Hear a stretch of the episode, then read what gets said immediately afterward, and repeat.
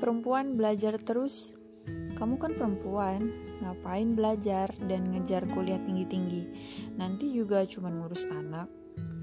Justru itu, that's the whole point. Aku akan jadi seorang ibu. Aku belajar dengan tekun karena aku akan menjadi seorang ibu untuk anak-anakku kelak.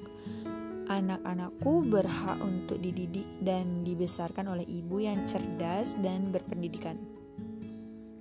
Anak-anakku akan bertanya tentang banyak hal, tentang pelajaran, tentang bagaimana menyelesaikan masalah, dan tentang agama, bahkan hingga mereka dewasa.